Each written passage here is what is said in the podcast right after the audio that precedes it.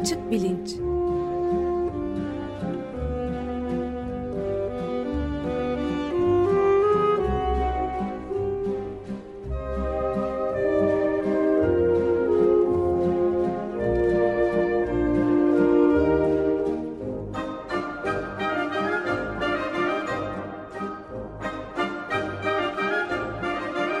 Güven Güzeldere ile bilim ve felsefe sohbetleri. Günaydın Güven Bey, merhabalar. Günaydın Ömer Bey. Günaydın Güven Bey, merhabalar. Güven Bey, günaydın, günaydın benden de. Günaydın Cem Bey, hoş geldiniz. Hoş bulduk. Evet, konuğumuzu takdimi size bırakıyorum her zaman olduğu gibi. E, memnuniyetle bugün konuğumuz Profesör Doktor Cem Erol. E, kendisi bir anayasa hukukçusu. E, son 3 e, haftadır e, Türkiye'de üniversitelerin durumunu e, konuşuyoruz. E, Barış için akademisyenler bildirisinin koparttığı fırtına üzerine e, bu konuya eğilmeye karar verdik. E, geçen hafta dinleyenlerimiz hatırlayacaklardır e, Profesör Doktor Reşit Can Beyli ve e, Gencay Gürsoy hocalarla e, bu konulara değinmiştik. E, bugün de yine aynı tema üzerinden devam edeceğiz. E, fakat e, üniversitede e, özellik e, ne demektir? Yüksek e, Öğretim Kurulu e, üniversiteler e, konusunda, ülkemizde üniversiteler konusunda nasıl bir sistem getirdi? Bunları daha geniş bir hukuk çerçevesinde ele almaya çalışacağız. E, ben hemen kısaca konuğumuzu e, tanıtayım. E, Profesör Doktor Cem Erol, e, lisans eğitimini Ankara Üniversitesi Siyasal Bilgiler Fakültesi'nde yaptıktan sonra yüksek lisansını e, Paris'te yapıp doktorasını yine Siyasal Bilgiler Fakültesi'nde e, tamamlıyor. 1966 yılında Siyasal Bilgiler Fakültesi'nde anayasa hukuku asistanı olarak e, başladıktan sonra e, doçent ve profesör oluyor. E, geçen hafta Gencay Gürsoy Hoca'nın e, başına geldiği gibi e, Cem Hoca'yı da 1983 yılında e, Ankara Tıp Yönetim Komutanlığı emriyle üniversiteden uzaklaştırıyorlar. Ta ki 7 sene sonra 1990'da Danıştay kararıyla e, haklarını geri alıp e, üniversitedeki e, görevine geri dönene kadar. E, pek çok e, gerek Türkçe gerek e, e, e diğer dillerde e, yazılmış e, kitap bölümleri, makaleleri e, ve kendi telif kitapları var e, Cem Eroğlu'nun. E, birkaç tane e, Türkçe'ye kazandırdığı çeviri yoluyla e, kitabı da var. E, yeni fark ettim ki bunlardan bir tanesi e, sol yayınlarından çıkmış olan George Politzer'in e, felsefenin başlangıç ilkeleri. E, bu da benim e, hayatta okuduğum ilk felsefe metnidir. E, Cem Hoca sayesinde e, Türkçesinden okuma imkanı bulmuşum demek ki e, lise yıllarında. E, ben e, Ömer Bey sizin de e, eskiden gelen e, Cem Hoca ile bir tanışıklığınız var. E, ondan bahsetmek isterseniz onun ardından da e, konumuza girelim. Evet yani çok işi uzatmamak lazım yoksa herkes için kötü olacak. 1966 e, yani tam 50 seneden beri tanıyorum ben de bir tanışıyoruz. Ee, ve ben orada öğrenciyken Cem Erol e, asistan oldu öğretim üyesi. Sonradan ben de kendisine iltihak etmeye çalışmıştım. Bu diğer e, atılmalar, kovulmalar vesaire gibi şeylerde de ortak noktalarımız var. Şimdi daha fazla detaya girmeyeyim ama geçmişimizde çakışan çizgiler vardır kendisiyle. Ee, Hoş geldin. Peki Cem. o zaman e, e, pardon e, ta 1960'taki 1947'liler e, olayına öğrenci olarak daha sonra 12 Mart e, 1971 e, dönemine asistan olarak e, 12 Eylül darbesinin ardından olan bitenlere de e, profesör olarak e, tanık olmuş e, durumdasınız. E, Cem Hocam e, biraz ben size e, bırakayım. O günlerden bugünlere e, üniversiteler e, nereden nereye geldi, ne durumda, ne yapmak lazım bunları konuşalım. Peki Güven Bey. Galiba can alıcı sorun üniversite hayatı ile ilgili özellik sorunu. Bunun üzerinde ısrarla durmak istiyorum çünkü 1980'den beri yeni kuşak bunu hiç tanımadı, bilmiyor. 35 sene önce oldu, bitti. Yani özel üniversite nasıl bir şeydi?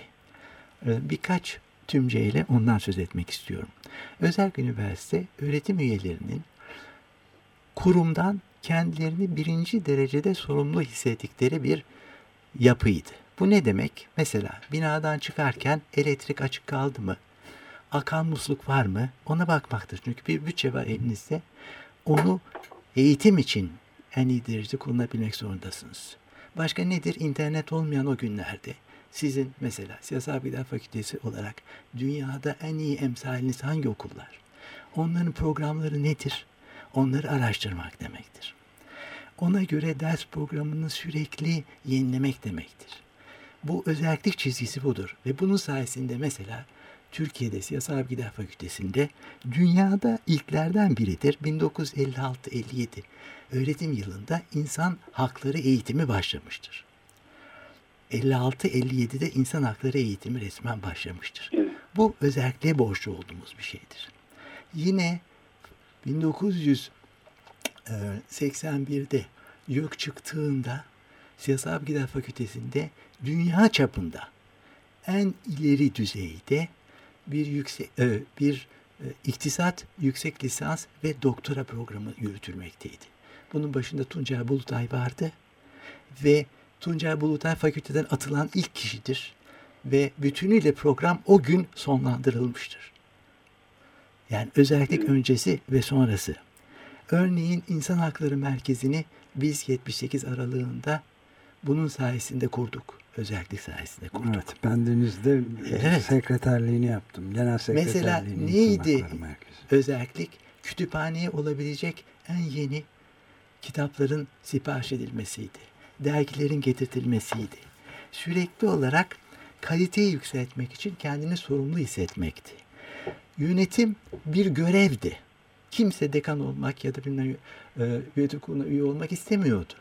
Ona buna yalvararak sorumluluk duygusuyla ancak yönetim üstleniliyordu. Çünkü hizmet için sadece vardı. Saltanat için değildi. Ve bütün bunlar da hiç çıkar düşünülmeden yapılıyordu. Şimdi bugün ne oldu? Ben 1990'da dönünce demin anlattığınız gibi gittim teksir çıkarmak istedim öğrencilere. Çünkü öğrencilerin bedavaya yakın eğitim notu alma hakkı vardır ciddi bir üniversitede. Ve bizde öyleydi. Ders notunu verirsin, maliyetine teksir çıkarırsın. Döndüm teksir kalktı dediler. E ne olacak? Gideceksin ders notlarını kitapçıya bastıracaksın ve ona göre öğrenciyi satacaksın. Bu yeni üniversite budur. Ticarileşmiştir. Örneğin bizim hiç hayalimizden geçmeyen şeyler. Ders saatine göre ek para almak. Ders sayısına göre ek para almak. Ne oldu? Hocalar ders icat etmeye başladılar. Ek para almak için. Yani üniversitenin ticarileşmesine e, tanık olduk. Özelliğin bitmesiyle birlikte kişisel sorumluluk kalktı. Emir komuta zinciri içinde rektörlerin e, bir saltanatı altında herkes artık kurumu değil, işini değil, kendi ikbalini düşünmeye başladı. Ve üniversite bu hale geldi. Şey daha ayrıntılara girmiyorum. Misafirhanelere vesaire de e, girmiyorum. Ama bütünüyle olay özelliğin bitmesinin somut anlamı budur. Şimdi e, evet.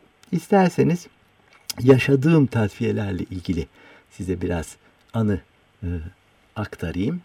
Çünkü üç, üç tasfiye yaşadım. Bir tanesini işte demin sözünü ettiğiniz 1960 tasfiyesi. 147'ler olayı. O zaman ben fakültede öğrenciydim. Ve bir gün Milli Birlik Komitesi'nden ondan sonra 14'ler oluşturan grubun öncülüğünde onlar fakülteye sık sık gelirlerdi. Reform yapacağız derlerdi boyuna. Reform değil mi buymuş. Benim o günden beri felaket bir alerjim var reform sözcüğüne. Çünkü biliyorsunuz bugün de reform işçi sınıfının haklarını ortadan kaldırmanın adı. Ee, Türk benim kendim bileli son 50 yıldır reform hep bu anlama geliyor. Onun için müthiş bir alerjim var. Neyse reform dediler. 147'ler gitti önce. Ee, onun üzerine fakültede bir şeyler yapalım dedik. Ee, talebe cemiyeti diyorduk o zaman.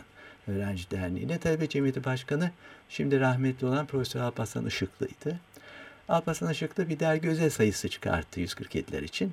Ve bizi de, bizi diyorsam Onur Öymen e, ile birlikte beni, Onur benden iki sınıf üstteydim ülkede, Temsilciler Meclisi'ne e, bu dergiyi dağıtmak üzere gönderdi. Hani bu ayıbı düzeltin diye. Ve bizi bir güzel kovdular Temsilciler Meclisi'nden. Ama bakın ilginç bir fark. Talebe Cemiyeti Başkanı Alparslan Işıklı telefonu açtı ve Temsilciler Meclisi Genel Sekreterine felaket bir e, çıkışmada bulundu bu davranışından dolayı. Pardon bir küçük parantez açayım. 147'ler derken Hı. dinleyiciler bilmeyebilir. Hı. Hele e, genç nesil için söylüyorum. Yani 147 e, öğretim üyesi. Evet e, profesör, doçent ve as, bir tane de asistan vardı. Bir tane de asistan vardı. bir, bir kararla, bir kararnameyle evet. atılı verdiler. Evet. Bir, bir gün için. Evet, evet. Öyle oldu ve içinde de hiç çok şaşırtıcı isimler vardı. Örneğin ünlü hocamız Tarık Zafer Tuna'ya da bir nasılsa bu 147'lerin arasına alınmıştı. Ondan sonraki yaşadığım tasfiye asistan olaraktır. 12 ee, Mart 1971'dir. O anayasa kürsüsü e, üç profesör ve bir asistandan oluşuyordu o zaman. Üç profesör Bahri Savcı, Muammer Aksoy ve Mümtaz Soysal. Ee, ben de tesadüfen şanslıyım. Ben iki darbede de yurt dışındaydım. Rastlantı. Ee, ve bir haber geldi. Yurt dışında İngiltere'deydim. Üç hocamı da tutuklamışlar. Ve biliyorsunuz bir tanesi Mümtaz Soysal dekandı o sırada. Ve dersinden aldılar. Ders verirken sınıfa girdiler. Dersinden aldılar ve e, içeri attılar. Şeyin e, 12 Mart biliyorsunuz Türkiye'de ilk ciddi faşizm e, denemesidir. E, ondan sonra da onların da bir reform hükümeti var o dönemde biliyorsunuz. Nihat Erim reform hükümeti. Yaptığı tek şey güzelim 61 Anayasası'nı budamaktır. E, o kadar. Ondan sonra 12 Eylül. 12 Eylül bu sefer ilk elden yaşadım. O ilginç. Ee, işte 1983 e, ocağından itibaren önce Trabzon'da başladı. Karadeniz Teknik Üniversitesi'nde e, tasfiyeler. Şubat ayında e, siyasala sıçradı. Benden önce örneğin demin sözünü ettiğim Bahri Savcı hocama attılar. Bu e, korkunç bir olaydır. Çünkü yaş haddinden çok kısa bir süre sonra zaten emekli olacaktı. Derse falan giremiyordu ve veda dersini yazmaktaydı. Ve 46 yıllık hizmeti vardı. Ve e, attılar düpedüz ve onun acısını hiçbir zaman da ölünceye kadar da içinden atamadı. Ben burada da bir ufak parantez açayım müsaadenle. Şey Bahri Savcı aynı zamanda ya, Siyasal Bilgiler Fakültesi içinde kurulmuş olan biraz önce sözünü ettiğimiz önemli insan hakları merkezinin de e, başındaydı. Evet. Kurucusuydu yani. Tabii. Ve demin sözünü ettiğim gibi insan hakları derslerini de Türkiye'de başlatan e, kişidir. Evet. Ondan sonra e, 25 e, Şubat 1983 Cuma günüydü. E, felaket bir kar vardı Ankara'da tipi. E, akşam saat akşam saat 8'i çeyrek geçe kapım çaldı ve rektörlükten bir memur geldi. Elinde bir sarı zarf bana atıldığımı bildirmek için. İsteseydim almazdım o saatte tebligatı. Nitekim Alparslan almadı. Başka almayanlar da oldu. Ama e, zavallı adamcağız yalvardı bana. Rektör bey bekliyor rektörlükte dedi. Rektör bey rektörlükte tebligatın yapılmış olmasını bekliyor. Hani her şey sıkı yönetim komutanlarına atılıyor da sıkı yönetim komutanı Recep Ergun'du. E, rektör bey de Tarık Somer'di. Bunun üzerine ben adama acıdım. Aldım. Sonuç ne oldu biliyor musunuz? O zamanlar maaşlar ay başında ödenirdi. 25'ini çalışılmamış saydılar akşam 8'i çeyrek gece tebligatta bulundukları için. 25, 26, 27 ve 28 4 günlük maaşımı kestiler. Sokağa atmış olmaları dışında. Şimdi tabii bu o kafa yapısını size e, anlatabilecek bir olay. Yoksa o günlerde yapılanlar için de bu çok küçük bir olay. Çünkü 12 Eylül korkunç bir kanlı faşizm olmuştur. Binlerce insan e, çürümüştür.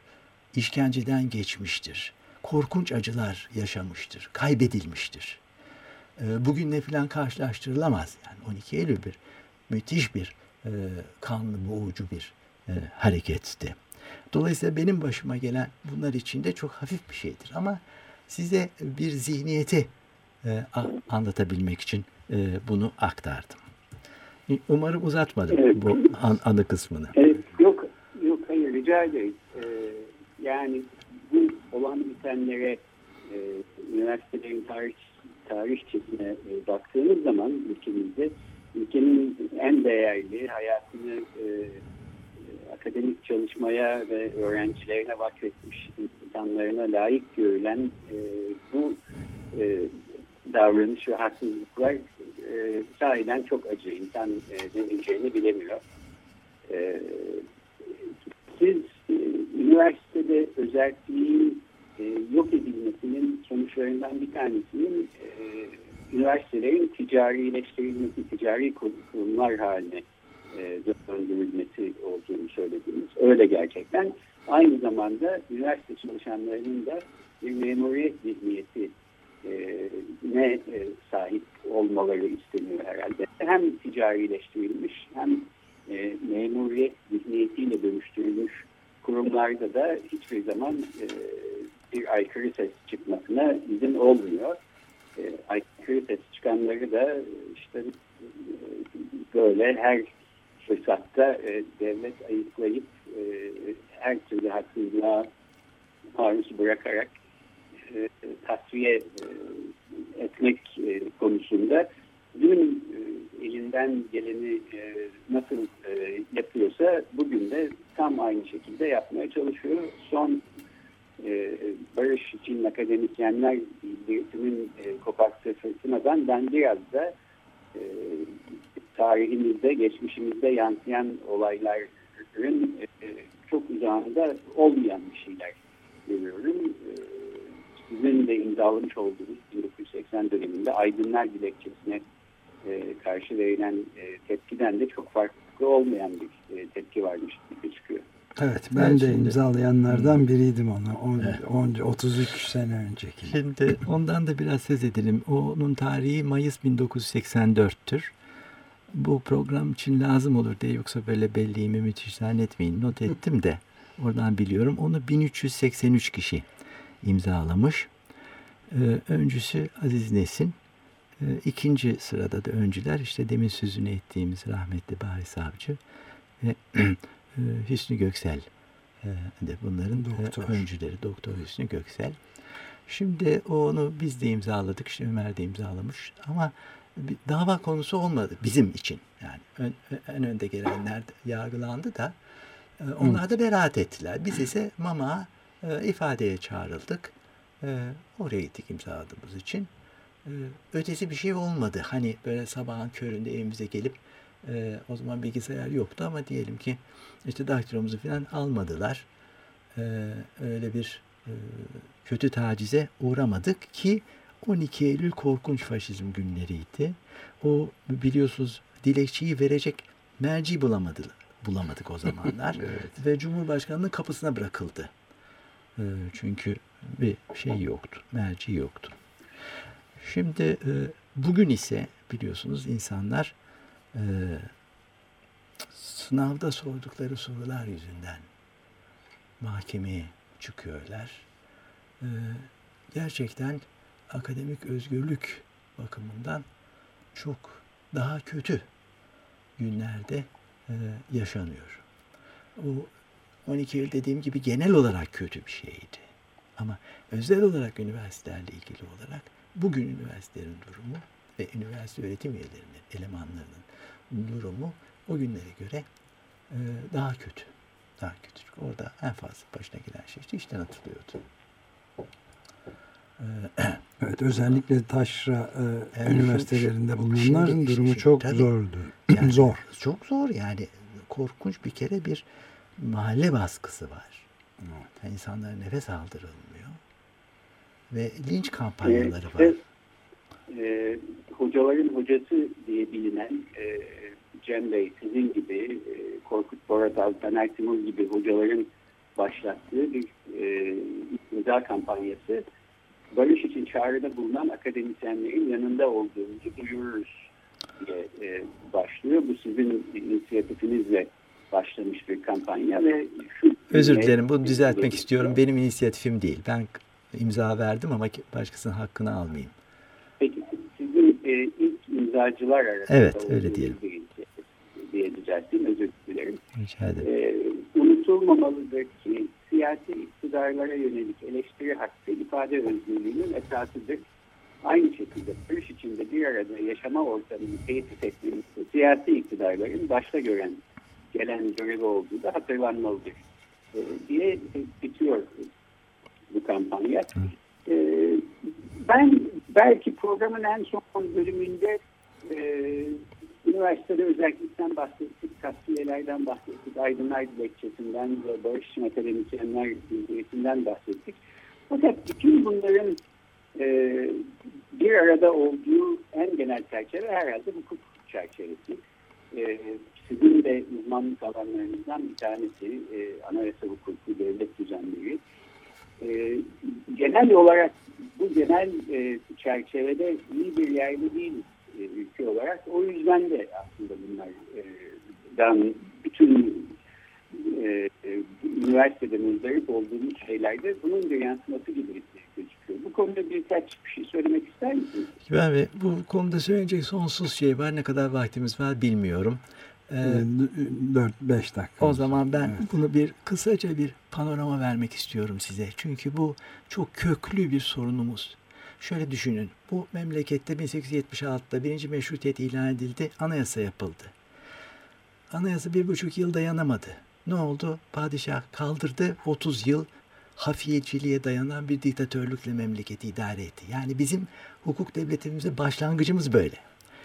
Çok so yenilere gidelim. Bugün demokrasi efsanesi gibi tanıtılmaya çalışılan şeyi düşünelim. E, Menderes'i düşünelim.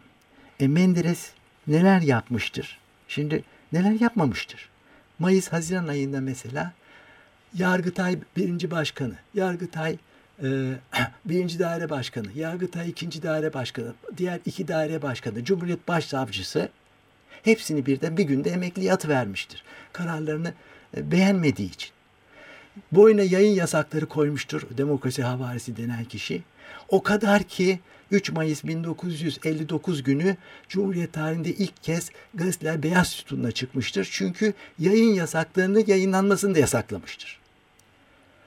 Ertesi gün ana muhalefet lideri İnönü'nün arabasına Topkapı'da sa- saldırılmıştır. Ölüm öldürülmesine ramak kalmıştır.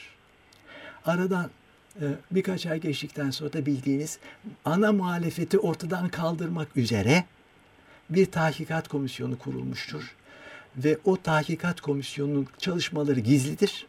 O gizli çalışmalara karşı çıkanlar ise doğrudan doğruya komisyonu kararıyla hapse atılmaktadır. Nitekim 27 Mayıs olduğunda bu üç hocadan biri bu yüzden hapisteydi. Muammer Aksoy hocam hapisteydi. Ee, yani böyle geçmişimiz var. 27 Mayısçılar deseniz evet bize çok güzel bir anayasa bıraktılar ama bir inanılmaz mahkeme kurup olağanüstü mahkeme kurup yazsada da üç insanın, üç siyasetçinin idam edilmesine neden oldular. Bu Türkiye tarihinden silinemeyecek bir kara lekedir. Bunu da 27 Mayısçılar yaptılar. Ondan sonra 12 Martçılar demin işte bu reform hükümetinden söz ettim ama onların da başka bir e, başarıları var. Onlar da o üç idamın intikamını almaya tenezzül ettiler. Üç genç insanı asarak. Deniz Gezmiş'i ve iki arkadaşını asarak. E, böyle bir geçmişten geliyoruz biz. Özal deseniz e, işte 12 Eylül falan biliyorsunuz. 12 Eylül'den bir cümleyle söz etmek istiyorum. O da hukuka saygısızlık e, örneği olarak. 12 Eylül'den birkaç ay sonra e, Ekim 1980'de anayasa düzenini e, hakkında bir kanun çıkardılar. Kanunun 6. maddesi şunu diyor. Unutmayın bunu çıkaran Milli Güvenlik Konseyi istediği gibi anayasa değişikliği yapma yetkisine sahip ve yapmıştır da. Ama bu kanun 6. maddesi diyor ki biz anayasayı değiştirmeyelim, değiştirmemiş olalım. O konuda bir bildiri çıkar. Bildiri dikkatinizi çekelim.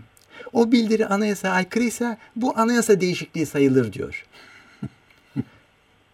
bu ne içindir? Bu hukuku aşağılamak içindir.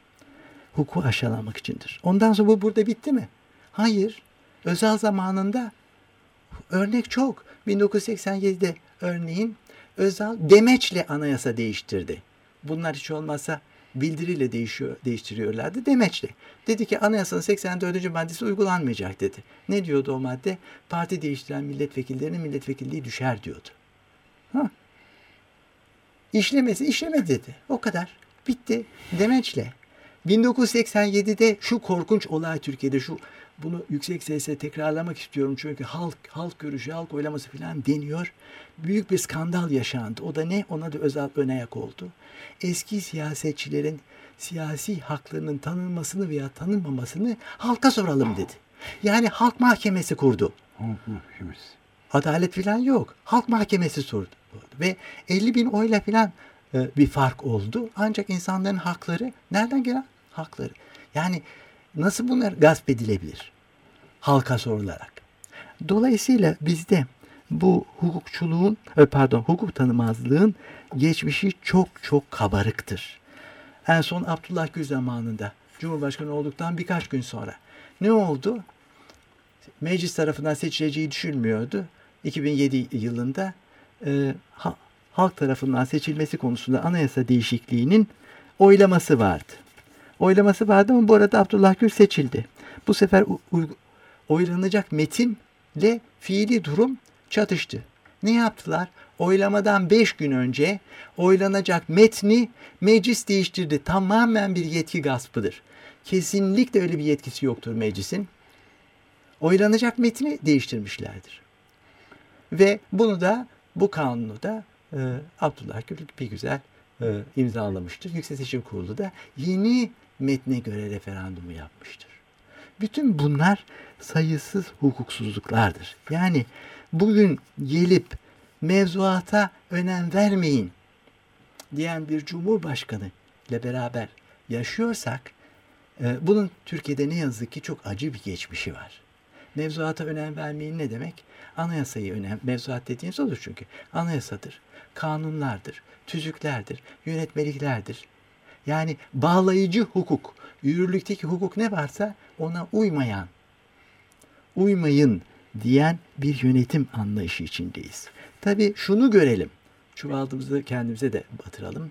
Çünkü halkımızda da hukuk kaygısı yok. Biz bir dilekçe yazmaktansa adam dövmeyi tercih ederiz. Bir boşanma davası açmaktansa e, karımızı öldürmeyi tercih ederiz. Böyle bir gelenek içinde geliyoruz. Bu işte şu anda Türkiye'nin en büyük derdidir.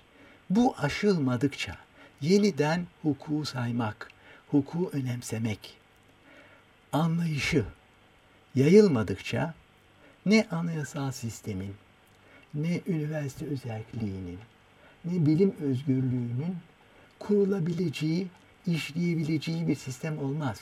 Olmaz çünkü keyfilik bulunduğu yerde hukuk olmaz. Ve hukuk olmayınca da medeni yaşam olmaz. Hızlı gitmeye çalıştım ama umarım e, derdimi anlatabildim Güven Bey. Çünkü bu bizim gerçekten e, en büyük en büyük sorunumuz. Ve e, hepimiz yönetenler ve yönetilenler takibimizi önümüze koyup hukuka ihtiyacımız olduğunu, medeni bir yaşam sürebilmek için hukuka ihtiyacımız olduğunu görmeliyiz. Hukuk her şey değildir tabi. Ama vazgeçilmez de bir değeri vardır. Onu teslim etmeyi hepimiz öğrenmek zorundayız. Benim adalet e, için değil mi? Evet. Adalet başka türlü hukuk olmadan evet. sağlanamıyor çünkü. Olmuyor. Yoksa o zaman keyfi oluyor. Adalet evet. de keyfi oluyor. Evet. Çünkü bana göre adalet değişik oluyor, size göre evet. adalet değişik oluyor. Yani oluyor. Evet, çok Çok teşekkür ederiz. Keyfi gücün karşısında ancak e, ilkeli, e, sistemli, e, gerek üniversitede gerek daha genel anlamda bir hukuk çerçevesi e, içinde e, yaşamamız şart. Bunun için e, elimizden geleni yapmak zorundayız. E, bu programı herhalde bu sözlerle e, kapatmak gerekiyor. E, anayasa hukukçusu, hocaların hocası olarak da e, bilinen Can Erol e, bugün konuğumuzdu. Can Hocam çok teşekkür ederim geldiğiniz için. Ben teşekkür çok ediyorum. teşekkür ederiz. Ben teşekkür ediyorum. Bir, birkaç haftadır üniversitelerin durumunu konuşmaktayız e, açık bilinçte. E, yakında belki yeniden e, felsefeden, bilimden e, konuşur e, hale geleceğiz diye umuyorum. E, gelecek hafta görüşmek üzere. Hoşçakalın. Görüşmek üzere. Görüşmek üzere.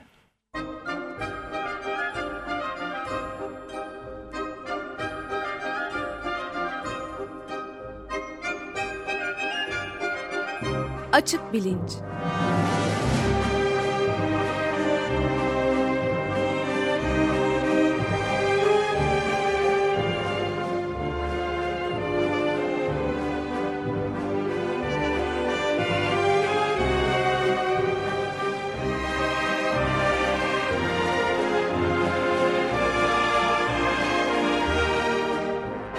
Güven Güzeldere ile bilim ve felsefe sohbetleri.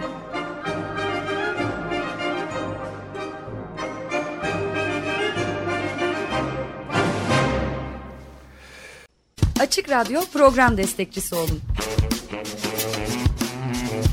Bir veya daha fazla programa destek olmak için 212 alan koduyla 343 41 41.